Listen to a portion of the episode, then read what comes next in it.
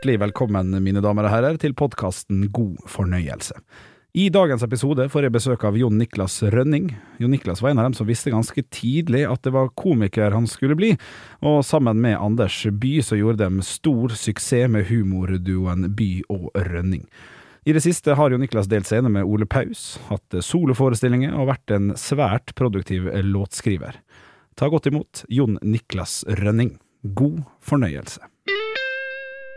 Og da må jeg bare få lov til å ønske velkommen til Jon Niklas Rønning. Velkommen. Takk skal du ha. Har hatt en eh, OK dag så langt? Ja, må si det. Det er, det er sånn ja, dagligdagsliv. Hente Gabriel på, på, skolen og prøve å gjøre noe hyggelig mellom slagene.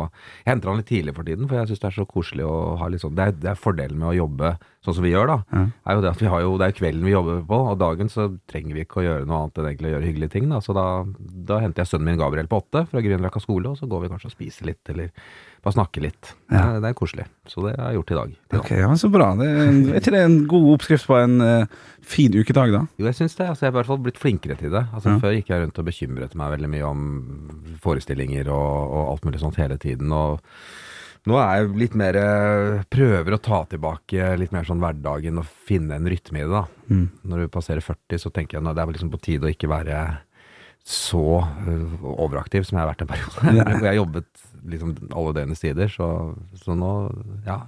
Veldig fine dager, egentlig. Har det, har det bra. Ja, men så bra. Du, jeg må, jeg må, vi må starte litt på, på begynnelsen aller først, eh, Jon Niklas. Eh, det, det, er ikke til å legge skjul på at din podkast, som heter Rønning, som ja. du starta i 2016 eller 2017, ja, riktig. Ja. har jo vært jo, Ligger jo litt i bånn på hele det greiene jeg holder på med her. og det å ha en samtale med noen som driver innen underholdningsbransjen. Og for dem som ikke har hørt på den eh, podkasten, sjekk den ut, for den ligger jo ute. Sånn er det med internett. Det ligger jo der ute. Eh, først, hvorfor slutta du med det? For det er jo fire år siden. Ja, altså Det, det som skjedde med den um, podkasten som heter Rønning, det var jo at jeg um, i, i, de årene der så var jeg jo alenefar med Gabriel, og, og det passet liksom ikke helt da å ha en to-tre år gammel eh, sønn og reise rundt til Nord-Norge og spille mens du liksom prøver å ha aleneansvar hele tiden. Sånn at da hva skal jeg gjøre på dagtid? Og så Da hadde jeg jo da hørt en del bra podkaster rundt omkring da, WTF, Mark Maron, eller Vervet, da, som er et sånt svensk eh, program med Kristoffer Triumf. Eh, og så tenkte jeg det, det må jo være mulig å, å lage noe sånt på, på, dagtid. Og det jeg hadde mest lyst til å gjøre, er jo å prate med, med gode kolleger om komifaget, da. Mm. Eh, og da da gjorde jeg det. I dag, Det ble en eh, over 50 episoder med, med gode kolleger. Og så, og så, etter hvert så begynte da det andre livet å ta over. Altså jeg begynte med soloshow og, og i større grad jobbe med det. Sånn at da, da hadde jeg ikke tid lenger, rett og slett. Mm. Og så, altså etter hvert så var det jo en del det var mye jobb med det også, for det, jeg legger jo veldig mye arbeid ned i ting. Jeg vil at det skal bli, bli fint da når jeg først gjør noe. Mm. Så da tenkte jeg at nå setter jeg strek, eller en pause egentlig, og så, og så har det aldri blitt noen flere episoder da, enn de som er der. Og det er egentlig, Kanskje det kan komme igjen, men nå, det, nå, nå, nå kan jo du fortsette. Jeg, jeg, jeg, jeg, kan ta meg et, lite, et, et, et halvår i første gang, og så mm. får vi se. Uh, du, vi, vi, må også Stemmer at du møtte da din uh, Så Jon, Jon Niklas Rønning er jo uh, ble først kjent som Østby og Rønning. Ja, det var, var egentlig By og Rønning først, men, så, men, det husker jo ingen. Så det var jo Østby og Rønning som var kanskje da vi, da vi ja, ble litt kjent, så smått. Fordi vi ble jo nominert til Komiprisen mm. som årets nykommer, da. Ja. Så, men først var det By og Rønning, ja. ja det var det. Var, var, var By og Rønning før Østby og Rønning? Ja, det var faktisk det. Ja. ja. for da skal vi tilbake til videregående på Nissen i 97. helt. Jo, helt riktig. Mm. Ja, Der møtte du og Anders By hverandre. Mm. Og uh, jeg prøvde å finne, finne ut uh, Det var ett show som ikke hadde noe info om seg. For Keisers nye klær og Bjørn redder verden. Det, det, det ligger litt info ute. Men stemmer det at uh, det er et show som het Borgerlige bohemer? Ja, men det er, det er faktisk ikke Det er litt interessant, for det, det, er noen som sitter og Jeg aner jo ikke hvem som sitter og skriver på Wikipedia. Det, er jo, det er jo så mye rart som kommer inn der. Ja. Det er en borgerlig bohemer. Det er, en, det er av alle ting en, en studentrevy som vi hadde regi for i 2000 ja. Eh, på Norges Markedshøgskole med da førsteklassingen Martin Beyer-Olsen på scenen. Riktig. Så det, hans debut var, var, i Borgerlige bohemer på, på NMH. Da var han både revysjef og skuespiller og alt mulig rart. Så det tror jeg er første gangen han sto på en scene og gjorde noe gøy. Så jeg kjenner han fra den tiden, da. Ja, riktig. Så, det, så det, var, det var akkurat i den spede starten av alt mulig rart. Sånn at um, jeg gjorde en liten karriere som sånn revyinstruktør, sånn som man gjerne gjør. Jeg gikk på Hartvig Nissen, vi spilte i Nissen-revyen, der jeg møtte Anders Bye, ikke sant. Selv om vi Mm. aldri spilte i samme revy, så møttes vi der. Og så gikk vi ut, og så drev man ofte og regisserte revyer i Oslo. Mm. Til man da enten endte opp med å lage noen TV-programmer eller så på scenen, eller, og det var det som skjedde med Anders og meg. da, at det, det, det tok over, da, det scenelivet, fremfor da å, å drive og lage Så alle har sånn prøvetid med skolerevy. Ja. Og, det, og det var en av de forestillingene der som jeg drev med, da. Ok, så borgerlig, borgerlig bohemer kan egentlig bare Den kan bare slette den der. Ja, helst. Hvis, Ja. du, hvis du har noe info på Wikipedia der, så kan, kan det gå, gå, gå ut, da, men uh... Ja, det var en sånn link det ikke går an å trykke på engang. Nei, jeg vet det. Den er, den er veldig hemmelig. Den, Ja, den er, ok. Da fikk jeg svaret på, fikk jeg svaret på det, da. Eh, det- du møtte som sagt Anders By, By Rønning i, på Hartvig eh, Nissen i 97. Hvor- hvor- Husker du det første møtet? Jeg husker kjempegodt. Ja. Eh, fordi eh, vi var eh, da begge på eh, revyaudition til Mm. skolerevyen da. Og det var Nissan Nyberget. Ja, Julemorgen. Le- ja, julemorgen. Eller kanskje Josefine Vertshus er riktigere, Ja, kanskje? det kan du si. Man er mest kjent fra Julemorgen, og egentlig som en sånn eh, revy, eh, revymaker på 80-tallet, som lagde ganske nymotens revyer den gangen, da, som et Klapp igjen og napp igjen, som det liksom skulle riste tak i da Einar Skanke-veldet, og lage en helt ny type revy. Ja. Så han var, han hadde da, men han arvet masse penger, og så stakk han av gårde til USA, og var borte veldig lenge, og plutselig kom han tilbake, og så da begynte han med skolerevy igjen, da, for vi spurte veldig pent da. Og da sto jeg og Anders i kø til den uh, skolerevyen. Han gikk i første klasse på Artvig Nissens uh, dramalinje, og jeg gikk i tredje. Ja. Og i den, i den køen der så begynte vi å prate sammen og, og hadde helt like interesser innenfor humor. Det var som å møte liksom sånn komiske tvillingsjelen sin. Ja. Og vi snakket, ja, snakket om KLM, og vi snakket om Bole Paus, vi snakket om alt mulig som vi, som vi på en måte hadde et forhold til. Og, og, vi, vi gikk videre på kafé etter audition og prate. Det var liksom, vi, vi, fant en kjempegod tone da. Så av en eller annen grunn så ble ikke han med i den revyen, mens, mens jeg ble med. Han ble med de senere årene, men, men det var det første møtet, da. Og jeg, Ja. det husket jeg alltid, liksom. Det lå alltid Skjønte du at dere kom til å jobbe i lag? ja, På en eller annen måte så, så, så var det Det var noe veldig uh, Veldig spesielt med oss, altså. Det, var, det er sånn som du møter når du møter en som du bare du tenker likt med. Så jeg, jeg har jo altså Uten sammenligning for øvrig, men jeg har, når jeg leser om hvordan Knut Lystad møtte Lars Mjøen, eller Mm. Bård Tufte Johansen møtte Harald Eia, altså den type ting. Så det minner meg veldig om den energien som oppsto mellom Anders og meg, og som, som fortsatt oppstår, og som har oppstått gjennom hele samarbeidet òg. Det er sånn, Hodene våre bare de skrur på en ekstra bryter, hvor det er sånn en kanal bare mellom meg og han, så vi liksom skjønner hva hverandre tenker og bygger på hverandre. og Det er ganske magisk, egentlig. Det er, sånn, det er veldig sjelden du opplever det. altså. Ja, det må jo ha vært utfattelig deilig, når man sikkert er litt på leit også. Når man er, hvor gammel er man når man går til? Ja, det- 17? Ja, jeg, jeg var 18, og han var 16. da. Ja. Så det var, og han, han var et kjempeparoditalent eh, da også. Gikk rundt i skolegården og kunne parodiere alle mulige og sånt nå. Og så skrev jeg veldig mye, så, så det lå jo, det lå jo litt i kortene at, at vi ville utfylle hverandre ganske bra da, hvis vi noen gang fant på noe. Men det, det tok faktisk eh, et par års tid før vi gjorde noe sammen. da. Det bare lå og planta i hodet mitt at dette er en, eh, en spennende type og en, eh, en bra sparringspartner, på en måte. Ja. Var det sånn at For etter deres Jeg har ikke et god, godt ord på det, men her må du hjelpe meg med å finne ordet. Altså, Raske menn har verdenshistorien på fem Ja. minutter. Hva, hva heter den? Glans... Skal vi si glansnummer? Ja, kanskje du kan si glansnummeret. Det, det, det, I hvert fall når det gjelder dem, så er jo det et av de mest kjente numrene som de har. Og, og det, ja. Ja, for jeg føler at dere, eh, deres glansnummer eh, Det er jo veldig tidlig, da, men eh, norsk humor oppsummert, holdt jeg på å si. Ja. Hva, hva, hva, Den heter faktisk Humorhistorien på fem minutter. den gjør det, ja. Gjør det. Den, Ja, den, den kom faktisk før Verdenshistorien på fem minutter. Ja.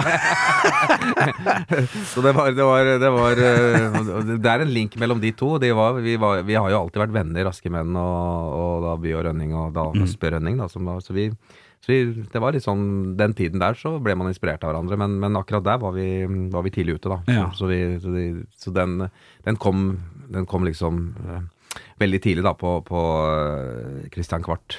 ja. På et sommershow, stemmer det? Sommershow som heter Østby Rønning går litt for langt. Vi, Sikkert bare jeg som husker at det var det den het, da, men det var, jeg var liksom opptatt av at ting skulle ha litt sånn titler og ha litt konsept og sånn. da. Mm. Ja. Og den handlet jo om humorhistorien og krenkedebatten, egentlig. Oh, ja, såpass tidlig Ja, ute? ja, den var det. For det var, det var, da var jo den tiden hvor man ble krenket av, av ja, vitser. Arve Oppsal-vitsen til Kristoffer Schou på Komiprisen om Ja. amputerte foten. Mm. Og det var, det var veldig mye Bård Harald sine greier med skrukken på TV. At det, vi hadde Ja. blitt krenket i ganske mange år. sånn at da lagde vi et show hvor vi testet ut om vi gikk for langt, da.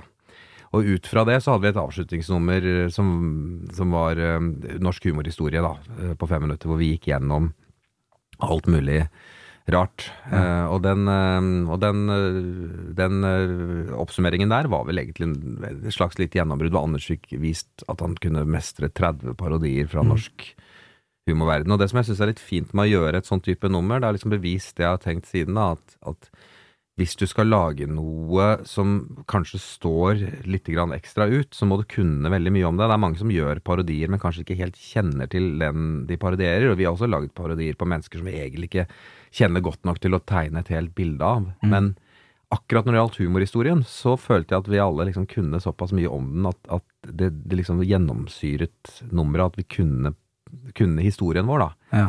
Og, og at når vi parodierte, så tok vi dem kanskje på de tingene som, eh, som var forhåpentligvis treffende for dem. da. Mm. Så, så det var en veldig sånn aha-opplevelse å stå der og få gjort det nummeret og, og merke responsen. da. Men var både du og Anders, og den gang også, for Peil Håvard Østby var vel også med da, Mm. var alle like For jeg ser på det som den som er mest opptatt av Det kan godt hende det er feil, men av, av gammel humor og gammel norsk humor. Og det, det er nok veldig riktig. Ja.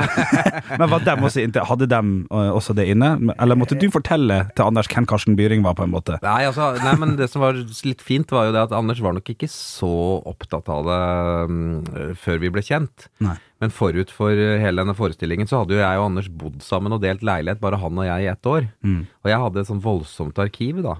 Hjemme, hvor jeg hadde tatt opp alt mulig av ja, alt fra amerikansk standup til norske revyportretter og alt som fins av svensk humor, Galskapen Aftershave og KLM selvfølgelig og sånt. Så vi satt jo systematisk på kveldene, ofte til tre-fire om morgenen, og så absolutt alt jeg hadde i arkivet.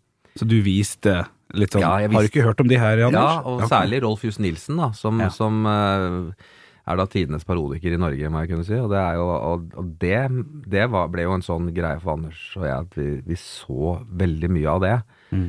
Og da husker jeg på kveldene så gikk Anders da rundt litt sånn og, og, og øvde på parodier. Ja. Han hadde jo ikke så mange inne da, og plutselig banket han på døra og sa nå har jeg, nå har jeg Rolf Wesenlund. Og så Ja. gjorde han en sånn klokkeren Rolf Wesenlund, men da hadde han jobbet i mange timer da, for å finne, finne koden. ja.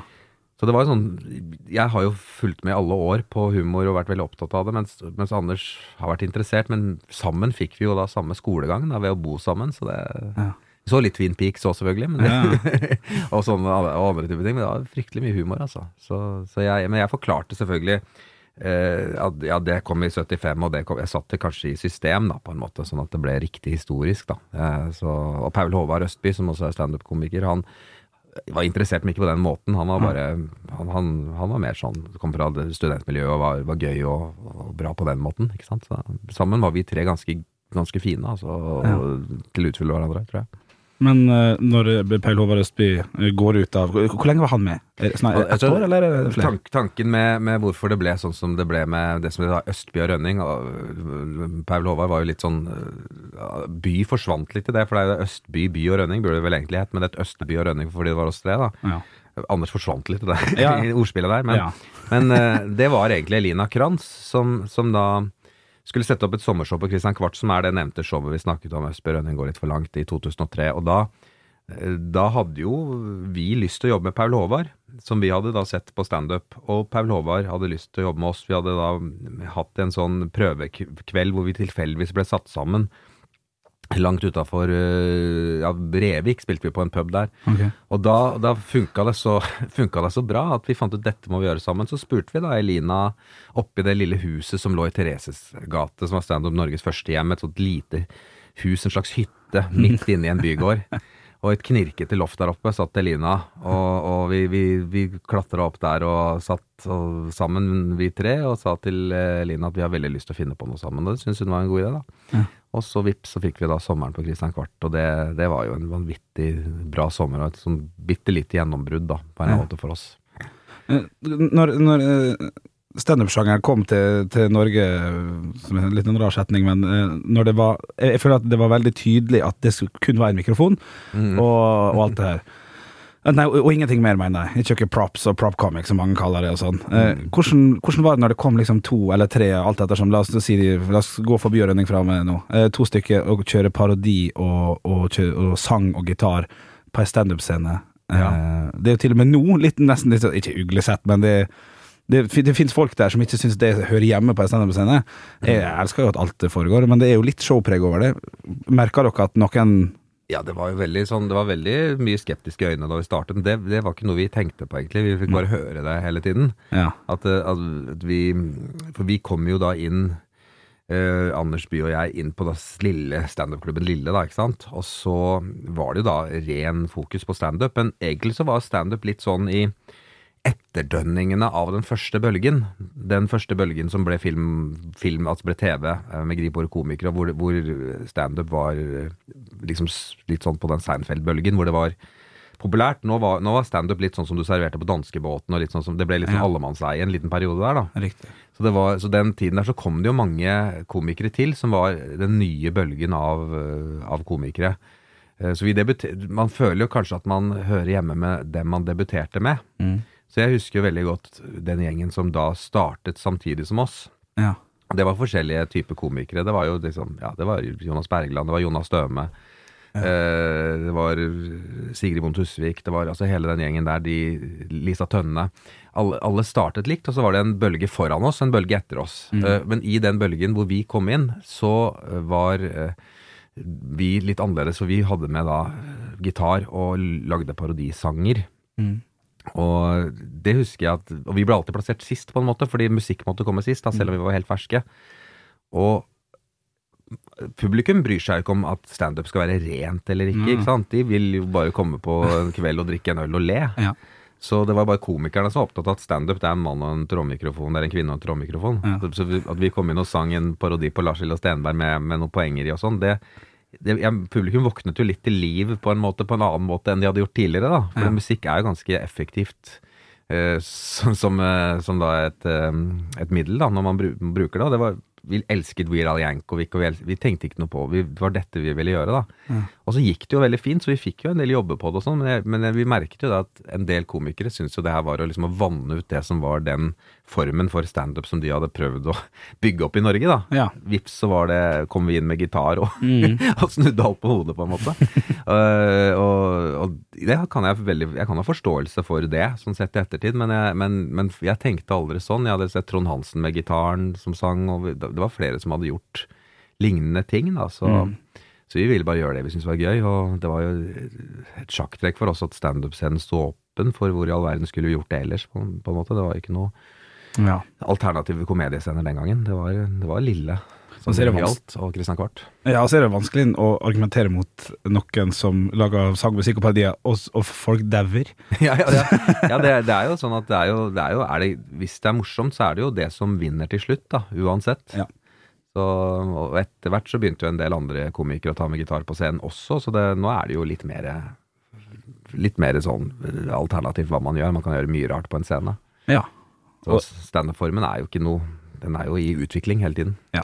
Og det er vel det som er fint med den sjangeren, på mange måter. Det er ikke Ja, så Alle har sin form. Alle, alle har forskjellige typer humor. Noen er politisk komikere, noen er mer hverdagskomikere. Noen? Det er, noen er musikalske komikere. Altså det, så lenge det funker på en standup-sender, så tenker jeg det er, det er greit. Ja, jeg er helt enig. Publikum ville nok reagert hvis det kom en sånn en figur fra et lokalrevylag øh, på en standup-scene. Det, Ja. det, ville, vært for mye mismatch, tror jeg. Ja. Men parodier og sånn i seg selv, det funker jo ofte veldig bra på, på en standup-scene også. Så, det, så alt funker, syns jeg, da, så lenge det er gjort med hjertet, og, og de som står på scenen har noe å formidle ja. som de brenner for, eller bare syns er gøy å gjøre. Ja, det, det ville kanskje vært rart med en rein revykarakter som kom inn, men Selv om Steinar med Jon Skau var, Ja. var jo egentlig en sånn figur, han òg. Altså Steinar-figuren til Jon Skau helt i starten var jo egentlig en slags revyfigur som ble gjort på scenen, så det funker jo det også. Så det er liksom ingen regler. Men den eh, karakteren var vel også ganske Jeg sendte en melding til Jon Skau da jeg var ung og satt og så på sushi eller ehm, Lykkelige Gatan. Ja. Husker ikke hva Det var Lykkelige Gatan Steinar var mest med. Spurte hvor gammel er Steinar, Mm. og da svarte han tolv år. ja, ja, ja, ja. Så kanskje det hjelper. Er, eller kanskje det ikke hjelper, jeg vet ikke om det har noe å si. Om det er vaktmester eller om det er en unge. Men eh, nei, karakter er kanskje karakter uansett. Ja, men jeg, det, er, det, er, det er som jeg, jeg tror faktisk rett og slett det meste kan fungere på en scene. Altså. Men, eh, men du, den gangen så var folk veldig opptatt av at det, det, skulle, være liksom, det skulle være veldig rent. Mm. Eh, og veldig sånn Det skulle ikke være noen effekter. Mens, mens jeg syns ikke at jeg har hørt de kommentarene de siste 10-15 årene. Altså. Nei. Det, Men, men dere, dere fikk ikke det direkte mot dere, som du sa i sted. Det var Nei, sånn via via Nei, det var jo det sånn, ikke sant? Den gangen så var det sånn det beryktede komikerbord, ikke sant? hvor alle satt på lille som, Det var sånn eh, langbord som var holdt av de komikerne som kom inn, og det, oppgaven til de komikerne var jo å sitte med armene i kors og, og, og mene at alt som ble gjort på scenen, ikke holdt mål. ikke sant? Det, det også føler jeg at vi har blitt på vei bort fra også. Ja, ja, ja. Dere lagde jo etter hvert da eh, show på, på, på Christian Kvart vi snakka om. Og, Ja, og du lurte på hvor lenge Østby og Rønning varte, og det var det var det var et par, år. par Vi lagde jo veldig mye på kort tid, egentlig. Ja. Eh, Så vi lagde jo det Østby Rønning går for langt, det går litt for langt. Mm. Som da, og der ble vi jo nominert til Nykommerprisen på Komiprisen, og spilte der til og med. Ja. Et nummer. Og det som var litt gøy, gøy var jo da, da vant Pernille Sørensen Nykommerprisen. Ja. Vel fortjent selvfølgelig, men det sier litt om hvor lenge siden det er. Ja. Det, det er jeg føler er lenge siden Pernille Sørensen var nykommer, altså. Ja. Så, Uh, og, mm, og så ble vi da sendt ut på en ny turné neste år, men da var Christian Kvart, la, komiscenen, lagt ned, så da ble vi sendt ut på en turné i Norge. Da hadde vi en forestilling med et Østby Rønning fleiper det bort, som, som, som eh, vi reiste rundt i, i Norge med. Og så var det Riksteatret som leide inn oss til å reise rundt på 50 jobber i hele Norge for å lage et humorshow om- unionsoppløsningen. For det var da, det var da 100 år siden den, så den het Større enn ABBA. Og det showet ble til første sommershowet på det nyåpnede Latter i, i Oslo. Eh, og da var det en uh, nyversjon av det. Så egentlig var det jo fire show vi lagde da. Ja. Og da følte vi vel egentlig at, eh, kombinert med at eh, det var jo egentlig Anders og jeg som var eh, duoen hele tiden. Mm. Og det med Paul var bare et sånt hyggeprosjekt, eh, fordi vi hadde lyst til å finne på noe sammen en sommer, som, som da tok, tok eh, litt fyr. Sånn at da Han var, han var Benny Borg i Dizzie Ja, liksom? på en måte. Han var, ja. da, var assosiert medlem. Ja, så, Ja, eller vi var assosiert medlem hos han, da. Ja. Eh, da sånn at da, da var det modent da vi begynte å lage egne TV-show på NRK, som vi da fikk tilslag på i, i januar 2006. 2006. Da, Ja. da var det moden for at vi begynte på egen hånd, da. Ja, riktig. Og da også gikk det jo for slag i slag, med, med, for da var dere også på kjempekjansen og fikk mye eksponering der. Ja. Lagde show, uh, lagde TV og alt sånt. Og dere var jo superstore ganske lenge. eh, klarte dere å nyte den skjønt, Klarte dere å nyte den suksessen når det sto på som mest med TV, show, uh, event og radioinnslag på P4 og all, all denne smørja der? Klarte dere å nyte det? Eller var det bare jobb, jobb, jobb? Nei, det var, det, var vel, det var vel ikke så mye tid til å nyte, egentlig, sånn sett. Det, var, det er jo veldig Det er jo det Jeg husker veldig godt uh, uh, Vi fikk en aha-opplevelse, Anders og jeg, når det sto på som eh, mest. For da møtte vi Tom Mathisen på en, en av våre premierer, og, og kona hans, da, Turi. Og uh, da snakket vi Han har vært veldig flink til å snakke om liksom, sine egne erfaringer, da. Og det han sa da, var at, det, at vi kunne huske på det, gutter, at det verste i en karriere, det er ikke fiasko, det er jo suksess. Ja. Og det stemte på en eller annen måte. Det var jo det beste vi kunne oppleve, for vi, vi hadde jo drømt om å liksom få gjennom humoren vår. For det handlet ikke om å bli kjent, det aldri handlet om det, men det handlet om at man brenner så mye for en form for humor som vi følte at vi eide litt, han og jeg, da.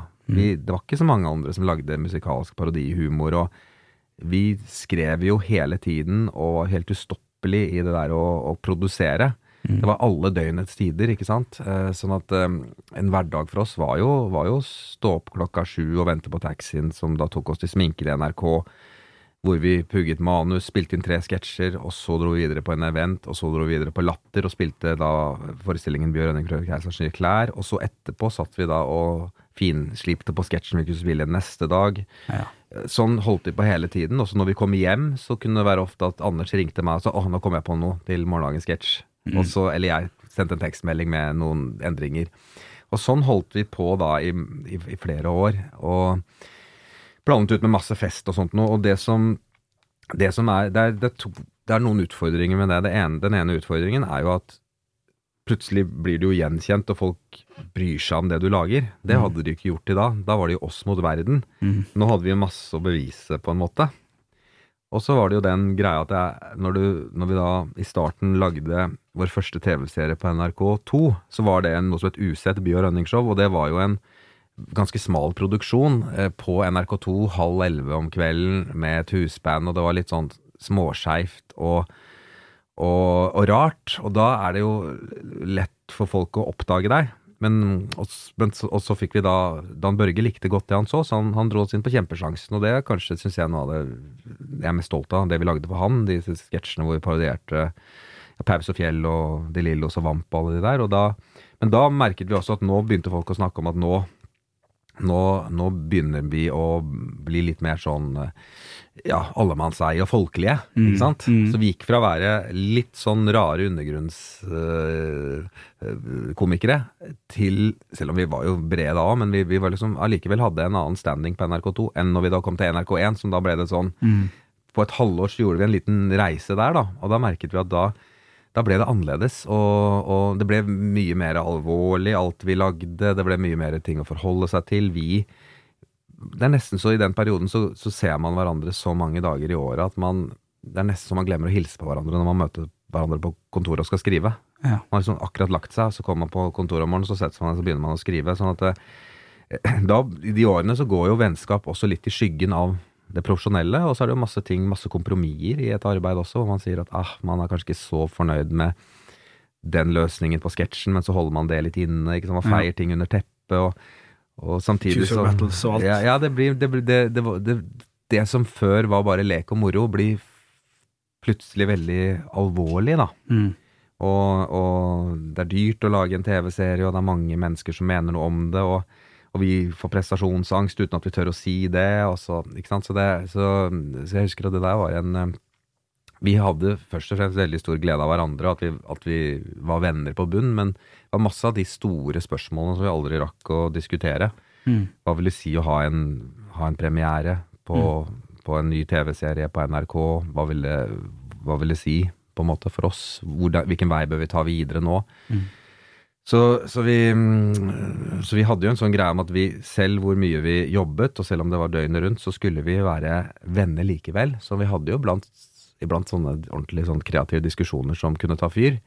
Eh, men da sa vi at ok, men til uka så drar vi på ferie, og da dro vi til Irland, Anders og jeg, og da hadde vi det bare kjempekoselig som venner, og, og snakket ikke noe om det humorgreiene i det hele tatt. Nei.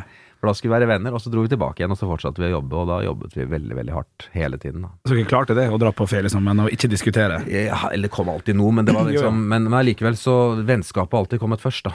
Ja. Så Men um, nei, jeg, tror, jeg tror vi var flinke til å, til å ta vare på det, men det er sånn det alltid er, at når det da When it rains, it showers, da, når, når det først Det er jo en liten sånn, et lite sånn fenomen at når noen oppdager deg, så får du fryktelig masse tilbud akkurat da. Mm. Og så er du livredd for at du ikke får noe tilbud igjen senere, så du takker ja til alt. Ja. Og så begynner da ting kanskje føle at ting blir litt halvgjort på noen områder. Mm. Eh, og så begynner du å slite med det, sånn at du, ting gnager deg hele tiden. da. Mm. Ikke sant? Det er derfor folk blir utbrent, tror jeg. Og, Ja. og for meg så endte det med at jeg brakk bein Ja. eh, midt i en, eh, midt i en um, mest hektiske perioden. Eh, at jeg um, Vi hadde jo da lagd denne seks episoder NRK2, Usett. Usett eh, 15 sketsjer for Dan Børge Aker, Kjempesjansen. Mm -hmm. De hadde ledet Underholdningsavdelingens nyttårskavalkade, spilt 100 forestillinger av Bjørn Rønning prøver Keisers nye klær, Ja. og så begynt å spille inn og skrive åtte nye episoder til eh, det som da var NRK1 sånne torsdagsunderholdningsslott, da, Ja. som var eh, 22.30 hver torsdag. Mm. Så vi var i innspillingen av det også. Alt dette her skjedde jo innenfor en radius på ett år. Ja. I tillegg til firmajobber, eventer, altså, og tillegg til fest og alt mulig sånt. Sånn at uh, midt oppi dette her, så vi skrev jo alt og spilte alle rollene og alt mulig sånt. Så vi, midt i en innspilling der, så endte jeg med å falle ned fra et tre. Og Ja. brekke ankelen på fire steder. Og da ble jeg lagt inn på sykehus midt i innspillingen og lå da i ganske tung morfinrus med ankel knokket på fire steder og gips. Og, og tenkte jeg nå, for en gangs skyld, kan jeg slappe litt av. Ja, Du måtte, måtte ankelbruddet for å slappe av, Ja, ja. det var som universet sa noe til meg, på en måte. ja. okay.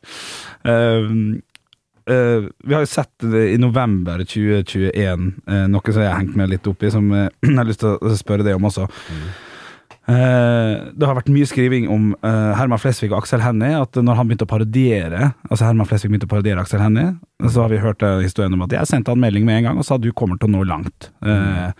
når dere hadde så mange parodier av, eh, av kjente folk, eh, og jeg tenker spesielt på en som jeg syns er veldig bra, det er nemlig uh, Torgeir-sangen. Uh, Ja, ja. Jan Eggum, som en, som er en jækla bra Jan Eggum-låt. Selv om det ikke er det det er jo en parodi som Ja, dere har skrevet. Mm. Fikk dere noen gang uh, tilbakemeldinger fra dem dere parodierte, når dere var unge og ukjente? Det Altså, var ikke sosiale medier, det er kanskje Nei, vanskelig. men det var, jeg husker faktisk dette her eh, godt, fordi det var jo den gangen så var det noe dette, Den her stammer fra 2006. Da prøvde vi å lage en Jan Eggum-låt sånn som han skriver det, og det var jo da og det, Da har vi det til felles at både Anders, jeg og da han som eh, var med å skrive og skrev melodien og alt, Vemund Vik, da, var eh, også veldig opptatt av Jan Eggum. Han hadde jo sin uh, musikkskole-eksamensforestilling var jo Jan Eggum-låter. Sånn at uh, vi, vi kjente liksom kodene, da. Mm. Og, og jeg hadde hørt mange av tekstene til, til Jan Eggum, så den, den var det jo Vemund og jeg som skrev, da, den sangen. Og, og det var litt interessant, for dette var veldig klassisk eh, opplegg, fordi Liten digresjon, men jeg og Vemund hadde da også skrevet en låt til Marit Voldsæter som het Hallelujakameratene, som parodierte de fire eh, Nilsen, Linn, Fuentes Holm, som da Anders tenkte Hvorfor ga dere bort den? Ja. Og så hadde vi også skrevet den, den Torgeir-sangen, eh, Jan Eggum-parodien, til Marit også, fordi hun var fra Bergen og sånt noe. Og så spilte vi den for, Ja. for eh, Anders, eh, og da sa han den gir dere ikke bort. Den skal jeg synge. og det var veldig lurt, da. ikke sant? Eh, Fordi det, var jo et, det ble et nummer som ble, ble viktig for oss. Og da, på den tiden, så, da den ble sendt på TV, så, så mm, var det noe som het Tett på nett på VG. Det var liksom alternativet til eh, sosiale medier den gangen. Det var da at artister kom inn, fikk inn spørsmål som var innsendt fra leserne Ja, ja, ja. av VG, og så svarte de. Og da var det en som sendte inn 'Hva syns du om parodien?' der. Ja. Og da skrev Eggum at eh, han likte den veldig godt, og det var tydelig at By og Rønning kunne sin Eggum. Okay. Han, for, fordi han mente at her tok vi an på de tingene som, som var liksom rett. Og det har vært alltid målet, da, at du skal Når vi parodierer Det skal ikke bare være en overfladisk parodi, det skal gjerne være vi alt, I hvert fall jeg snakket mye om at jeg ville at det skulle være tre lag, da. Ja. Og de tre lagene skulle helst være stemmelikhet. Og for ofte stopper jo en parodi ved stemmelikhet, og så Mm. er det alt. Mm. Men jeg vil gjerne at det skulle være en stemmelikhet, det skulle være en tekst som parodierte universet til, til det mennesket som vi parodierte. Og hvis det var musikk, så skulle vi gjerne lage en melodi som lignet forvekslingsvis mye på, på den melodien som artisten ville hatt, da. Ja. Sånn i, i skolen til kanskje The Ruttles øh, eller, eller Viral, eller altså de som er eksperter på å gå inn og lage melodier som er ganske like Beatles, men ikke helt, ikke Ja. sant? Sånn, så, så, så hvis du har de tre lagene, så kanskje bare noen likte musikken, kanskje noen syntes det holdt med stemmelikheten, eller noen syntes det var gøy med teksten, og da, da følte jeg at vi, vi klarte å ta dem på, på flere felt enn bare på at Ole Paus er hes, hvis du skjønner. Ja, ja, ikke sant? ja, ja.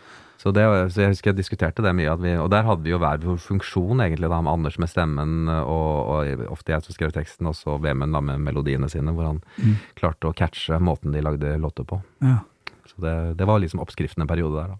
Dere var jo veldig flinke til å finne folk som ikke hadde blitt parodiert så mye før også. Bjørn Floberg, Harald Heide Steen eh, Ole Paus var, ikke, han var jo parodiert litt før, men ikke så mye. Det var ikke Bredebø som eh, kjørte det alle andre kjørte, som var Nei, vi prøvde jo det, da, å være Og vi, vi var jo veldig tidlig ute. Det var jo da Per Sundnes var helt fersk, så gjorde vi det, ikke sant. Og vi eh, Så, så vi, vi gjorde jo det. Vi fant jo andre typer å, å, å ta fordi det var ting vi syntes var gøy, da. Mm. Ikke sant. Og, og vi har jo hatt, heldigvis hatt flinke folk med oss hele tiden, sånn som sånn som heter, en som heter Andreas Pale, som da er mer lege, men som da var tekstforfatter også, som, som stammet fra skolerevymiljøet på Nissen, han òg. Han, han var sånn som var veldig god på sånn, eksempel kunne henge seg opp i Bjørn Floberg, og så, så, ble, så satt vi og diskuterte det på NRK, og så ble det en sketsj ut av det. Mm. Og, og Anders, det var, alt var avhengig av at Anders klarte å catche figuren, men når han da lekte seg, han ble flinkere og flinkere til det når vi satt og kastet ut ideer, eller han hadde egne ideer, Mm. så, så plutselig gjorde han typen, og da hørte du med en gang at dette, her, her har vi det, på en måte. Det, er- her er, må vi bare skrive det, for Anders er jo så briljant i, Ja. I tolkningen. Og, og han kom jo en dag eh, med en egen idé, som jeg syns var, eh, var veldig god. Det, han hadde sett Dag Solstad bli intervjuet da jeg var Brattholm, i et intervju der Bokbadet, Ja. hvor eh, Dag Solstad var fullstendig vrang. Ja. Og kom da med en klokkeklar Dag Solstad-parodi på morgenen. Ja. Okay. Og da var det jo bare å skrive ut nummeret, egentlig. Det var liksom ikke noe verre enn det. Det var sånn Han hadde gjort grunnarbeidet, og så var det bare å plassere det inn i riktig ramme og, og bruke, bruke språket til Solstad. Lese noen Solstad-romaner og finne ut hvordan skriver han, så videre. Ikke sant. Ja. Og det også er vel noe som du nevnte, disse tre lagene. Det ble jo etter hvert fire lag også, med tanke på at uh, når NRK kom inn i bildet, NRK1 da, dere ble ordentlig sminka, og dere Ja. ligna. Som for Dag Solstad husker jeg sitter og nipper etter et glass vin Mm. og, og uh, slenger litt dritt til. Kan det ha vært Katrine Moholt? Dere hadde Ja, der? vi hadde Katrine Moholt, ja. Der hadde vi litt Der hadde vi Ingrid- ekte kjendiser med, faktisk. Og jeg var Katrine Moholt, ja. Så, Ja. så her, her i, i den Dag Solstad så var jeg en slags sånn Hans Olav Brenner-type, tror Ja. jeg. Som prøver å komme i dybden på hvordan det er å bo i Berlin. Ja. Han hater jo Berlin, men det er sånn bedre enn Oslo. Altså han er veldig vrang på alle mulige måter. Så, så det var Nei, og, og det med NRK-maskene der er jo selvfølgelig en fantastisk greie. Vi har hatt Marianne Steinlein der, og Camilla Eriksson. Og, altså, folk som har vært utrolig flinke til å legge masker. Mm. Så kan du si at det er sånn tveget sverd, for iblant så er jo, hvis masken er bedre enn parodien i seg selv, så er, jo, er det jo på en måte sminkøren som er den beste parodikeren, og ikke, og ikke den som utfører. ja. Så, så det er sånn Det er litt sånn jo mer lag du kler på deg, jo mer jo mer fallhøyde er det, føler jeg på en eller annen måte. For da, Ja. da bør det pokker meg ligne, altså. Så, så når det stemte helt, Mm. sånn som Anders på Harald Heide Steen eksempel, Ja. ligner veldig, eller, eller flere andre som han hadde. Han hadde ganske sånn de sa det på sminken i NRK at vi hadde ganske sånne lette ansikter, særlig Anders, da. Å okay. bygge ting på Ja. ganske sånn standardansikt. Det var liksom lett å legge på ja. en bart og en skjegg og liksom legge på litt, fordi du kunne bli mange, da. Og det gjaldt for også litt for så vidt Trond Kirkevåg. Ja. Et, et, et utseende som det var mulig å bygge på. Ja, Noen riktig. er jo veldig typete ja. fra før, og det er vanskelig å få dem til å ligne veldig mye. Så kom jeg jo etter hvert til det punktet at eh, Anders Bye gir seg i 2012, kan det stemme? Riktig. Mm. Eh, hvordan var det? Var, var du helt innstilt på at eh, ok, dette eventyret her er over for en stund, eller for alltid? Det, kom, det vet man jo aldri, på en måte. Abba har jo nettopp gjenforent, så, så det er ikke godt å si. Men mm. eh, tenkte du da jeg kjører solo, ferdig snakka, eller hadde du noen tanker om hva som skjer med livet da? Jeg hadde ikke noen alternativ karriereplan, i hvert fall. Det hadde jeg ikke. Men det var jo, det var jo et, jeg, jeg så det litt komme, da. Så jeg var sånn mentalt forberedt på at den siste TV-serien vi lagde for NRK da i 2012, Mm. som egentlig var på en måte kanskje den, den største produksjonen vi har hatt. For det var et sånn lørdagsprogram med bare sketsjer. Mm. Eh, som da gikk vel klokken åtte da, på lørdager. Og, mm, og vi visste jo igjen dette her med fallhøyde og mm, Vi har jo hatt forskjellige eh, mennesker som har bidratt hele tiden med å skrive, men akkurat i den eller den serien, så da, da ble det bare Anders og meg som skrev alt, og spilte alt. Mm. Så det var ekstra krevende, og så bestemte vi å ikke hadde noen programleder mellom stikk, for det spiser opp tiden fra sketsjene som vi skulle vise, da. Ja. Sånn i ettertid sier jeg at vi burde kanskje hatt det. Eh, Det var Det går slag i slag. det går slag i slag, og det er fint.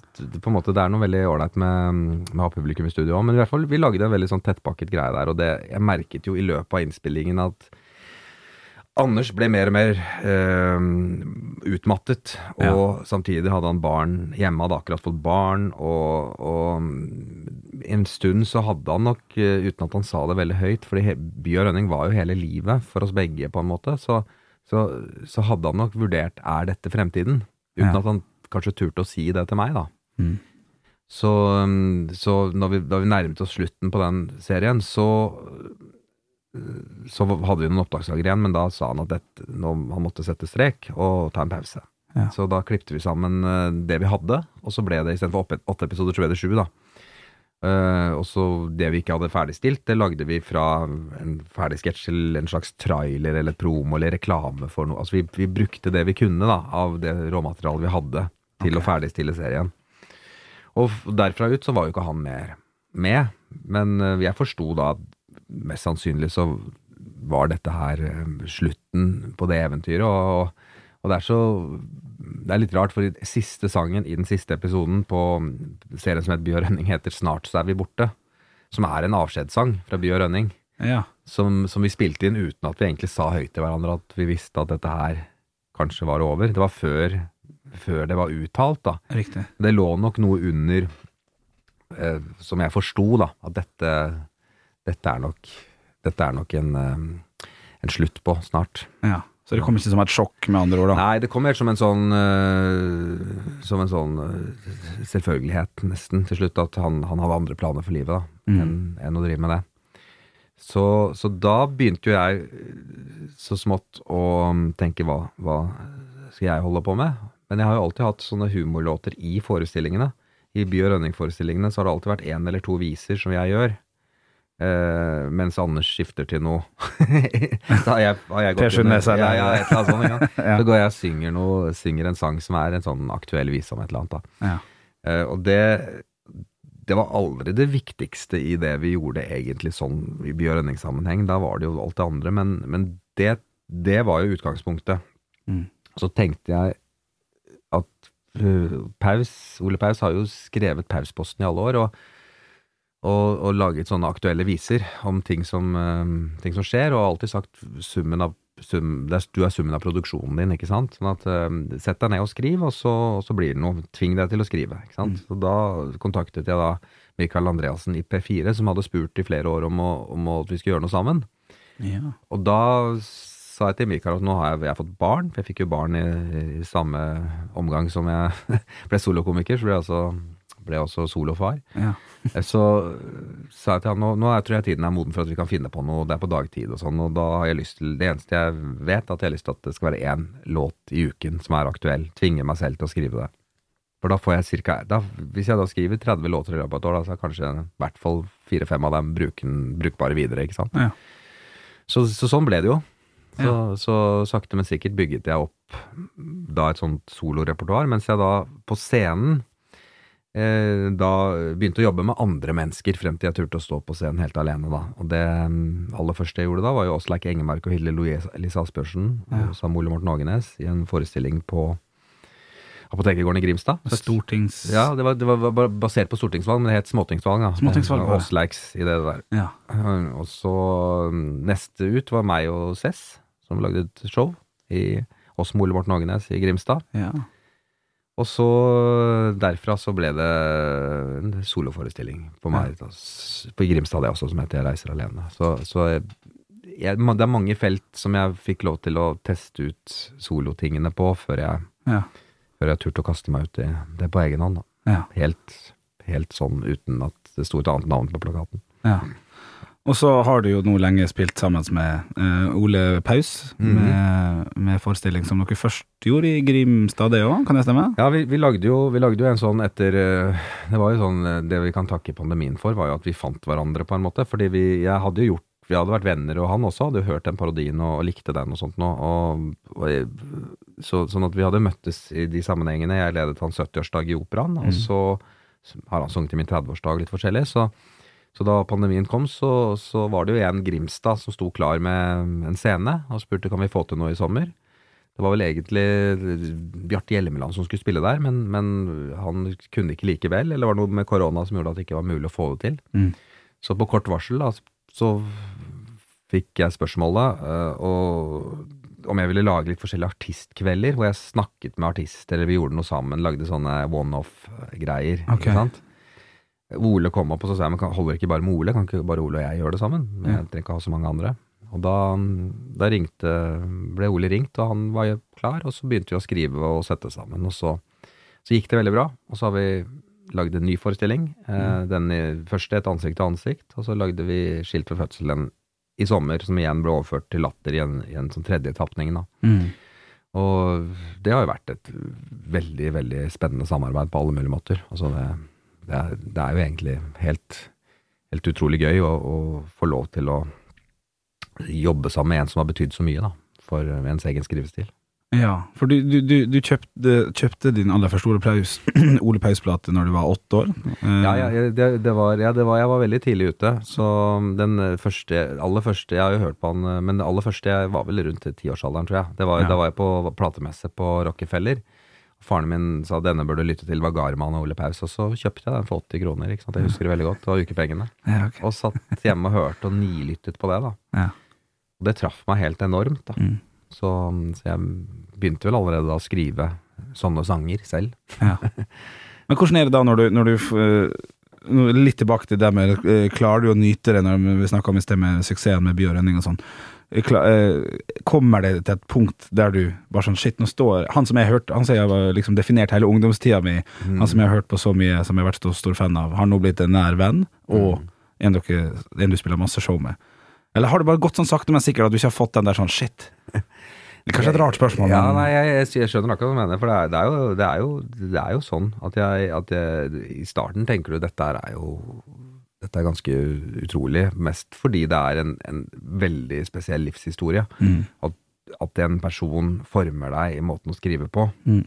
Eh, og så sitter man på gutterommet som 10-11-12-åring og, og lytter til Ole Paus og begynner å skrive ting selv som er i den sjangeren, og så har du en karriere i mellomtiden Mm. som kulminerer i at du står sammen med han som inspirerte deg Mm. han som var fødselshjelperen din, han står du sammen med på scenen og, og skriver med. Og det, jeg tenker at det er jo det er, Man kan jo sikkert skrive en roman om en gang, ikke sant? Samtidig så er det jo den andre siden av det at vi er to venner, og vi er to håndverkere. Mm. Og det er ikke så mange andre som jobber med gitar og skriver aktuelle tekster i Norge, så det er på en eller annen måte så er det jo er det jo sånn at jeg tror at vi har glede av hverandre òg. Mm. At, at det ikke er så unaturlig likevel at, uh, at vi står der. Så selv om det på ett plan er surrealistisk, så er det på et annet plan sånn veldig, veldig kreativt givende. da, at vi, ja, det, er mest, det er mest sånn kilende gøy, da. At vi kan Mm. liksom gjøre noe gøy sammen. Eh, at vi kan bruke de to kreftene vi har til å prøve å lage noe sammen. Mm. Som det er i alle samarbeid. Som det var med Anders og meg, som det er med meg og Trond Hansen, som jeg skriver med. At vi, at vi har vi er, vi er håndverkere på hver vår- front som sitter sammen, og når vi lager noe sammen, så blir det kanskje forhåpentligvis sterkere enn når vi gjør det alene. da. Mm.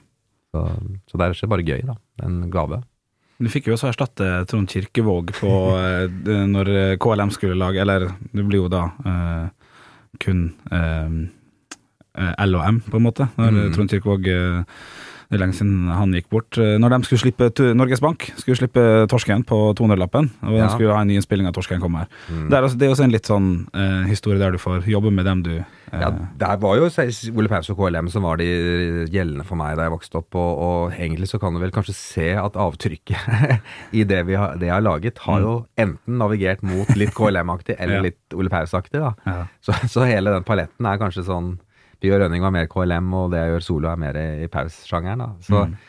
Så, så det var jo veldig, veldig først og fremst veldig hyggelig. Det var jo sånn at Torsken kommer var jo en kjempehit med KLM, og så skulle da Norges Bank ha 200-lapper med torskemotiv på, og kom på den ideen at kan vi ikke få KLM til å synge Torsken kommer 2 om de nye lappene, men Trond var jo død, selvfølgelig. Så da spurte Knut og Lars om jeg ville på en måte hoppe inn og gjøre min vri, da. og, for de skulle være tre. Og da startet da i kreativt samarbeid med å lage den Torsken kommer to-låten med, med Knut Lystad Lars Mjøen. Og det var, jo, det var jo selvfølgelig også veldig interessant. Det, litt det samme som Ole, at du, veldig gøy å få lov til å gjøre det sammen med de man har vokst opp med, men de også er venner, og, og de, det ble ordentlig, ordentlig kreative diskusjoner Mm. der også. Det var, ja. det var, det var gøy å se. Ja. Og der, der er jo alle like interessert i hvordan sluttproduktet blir. ja. Og helt ned på sånn detaljnivå, hvor Lars og Knut kan diskutere hva som er den beste løsningen på en visuell vits. Veldig interessant å følge med på. ja. Og du merker sikkert at det her er en diskusjon de har hatt mange ganger Ja, tidligere. de har, de har, hatt, de har hatt, uh, hatt det mange ganger. og Jeg syns Lars hadde et, en veldig fin uh, greie, fordi han, han hadde et forslag som ble med til slutt, da, på, på en, på, på en uh, verslinje. Et, et vers som han syns det skulle være sånn, mens Knut og jeg hadde andre forslag, da. Ok. og, da, og, da, og dette var jo dagen før innspilling i studio, så vi, vi ble liksom, vi sendte mail til hverandre og ble ikke helt enige. Og så sier, sier Lars til slutt, men kan dere ikke bare bli, bli enige i, i mitt vers da, gutter? Fordi jeg, jeg sover så dårlig, og jeg klarer ikke å sove i natt. Hvis ikke vi blir enige om dette nå, så kan vi ikke bare bli enige om mitt vers. Så sa Knut ja, det kan vi godt. Kan vi godt. Og neste morgen så møttes vi i studio, og så var Lars gledesstrålende og sa at jeg det var veldig flott, gutter. Jeg tok det gamle. Jeg fikk ikke sovetrikset, jeg, vet du. Ja, men det er fint. Så det, er, det, er, det, det sier noe om den dynamikken. Og da må man jo bare le. Det er Ja. fantastisk bra. Ja. Det er jo utrolig godt uh, utstudert uh, argumentasjonsteknikk som jeg, Ja, jeg tror han har brukt mye i KLM. Ja, det gjør han ut. Du har sagt også at du, at, uh, du tok opp på VHS Brødrene Dal og Spektralstein episode 2 og 13, ja, ja, ja. og det var da du skjønte at det er det her jeg har lyst til å gjøre. Ja, jeg vil bli komiker. Mm. hva var det som, er, det helt tilfeldig at det er episode 2 og 13 du Ja, det- tok opp? Jeg tror det, for det gikk på svensk TV, og, så, og det var jo egentlig de to kjedeligste episodene. For det er jo Mm. starten og slutten, så det er alltid gøy i midten. Men, Ja, men øhm, det, jeg kan jo nesten savne den tiden litt, for du, du, var man vokste opp på en tid hvor, hvor det var ikke noe Du fikk jo ikke leid Brødrene Dal på video. Det var, det var prisgitt at du fulgte med da det gikk, da. Ja. Og dette her var jo da jeg var seks år, og det gikk på svensk TV, eh, Spektralsteinene. Mm. Og, så det var helt tilfeldig at jeg oppdaget når det gikk. Eh, så da var det bare de to episodene jeg klarte å få tatt opp, da. Men til gjengjeld så så jeg dem igjen og igjen og igjen. Ja. Og akkurat det de eh, gutta gjorde da, eh, det Jeg husker jeg sa det til meg selv, at dette er det jeg skal jobbe med. Mm. Og fra jeg var ni år, så søkte jeg midt i smørøyet i NRK som skuespiller og sånn, så jeg var veldig rettet mot det hele tiden. Og året etter så hadde jeg jo fått øynene opp for, eh, for Brødrene Dal, etter den reprisen i 86. Så, så jeg eh, så at de kom med en serie som het Sky TV, imitert fjernsyn, som var da rene TV-parodier. Som igjen var, så jeg igjen og igjen. Det formet meg jo enormt. Fordi det ble jo en slags mal for en del By- og Rønning-ting senere. Mm. Og så mye at vi, da vi begynte å lage disse innslagene for Dan Børge Akerø, hvor vi parodierte artister og sånt, så, og senere TV-seriene med Bjørn Rønning, så brukte vi jo samme regissør som KLM brukte i Sky TV, Helge Lyngstad. Ja. Han jobbet jo der, han satt jo på et kontor, og var jo humornestor og gjorde regi, og Dan Børge sa han bør dere bruke, og, og det funket så bra at han tok vi med oss videre på, på TV-seriene, og, og det var jo også veldig mye fordi han knakk en eller annen form for hvordan man lager um, TV-humor, syns jeg, da, med, med nettopp sitt samarbeid med KLM. Mm. For det er jo klart at det med å lage TV-regi på humor, syns jeg det er det, Som regissør så skal du ikke være for jålete. Det er alltid vitsen som må komme frem. Mm. Uh, mens det er veldig mange regissører som, som er litt sånn allround-regissører. De kommer fra reklameverdenen eller sånt. Og er veldig mye mer opptatt av det er vakre bilder enn at, enn at det er tempo i sketsjen. eller at det er så jeg vil alltid sagt at jeg ofrer heller de vakre bildene mot at det er, at det er mulig å klippe det. Eh, at det er frihet i klipperommet, da. Ja. Og at man ser nærbilder av de som prater. Og hvis du ser på sånn som Seinfeld og sånt, det er veldig konservativt regissert. Mm. Det er ikke noe veldig oppfinnsom regi, men den forteller en historie på god måte. Og, og sånn som i hvert fall den humoren vi har drevet med, så har det vært ganske Vi vil få frem poengene, og da må vi ha en regissør som er flink til å formidle poengene tydeligst og best mulig uten altfor mye kreative fiksfakserier som gjør at det er regissøren Hvis regissøren har for mye stolthet i at det er, dette er mitt verk, jeg skal skinne, Mm. så blir blir antageligvis da Det er vanskelig å klippe i en, en kjøring på vakker kjøring. Du kan Mm. ikke klippe opp den. Da må du beholde hele den lange kjøringen, den lange scenen. Og den er kanskje Ser du på klipper om den var kjedelig, men vi kan ikke klippe den opp, så vi må beholde den. Det, så det er mye som, mye som eh, handler om å, å tenke på dette som et håndverk, som Mm. gjør at bruk en regissør som, som skjønner det, og ikke er, eh, ikke er veldig ærgjerrig på, på sitt kunstneriske uttrykk, men er med å, og fronte sketsjen. Ja, riktig. Han var mester i akkurat det, Helge Lyngstad, da, og og en veldig, veldig bra samarbeidspartner på den måten. Ja.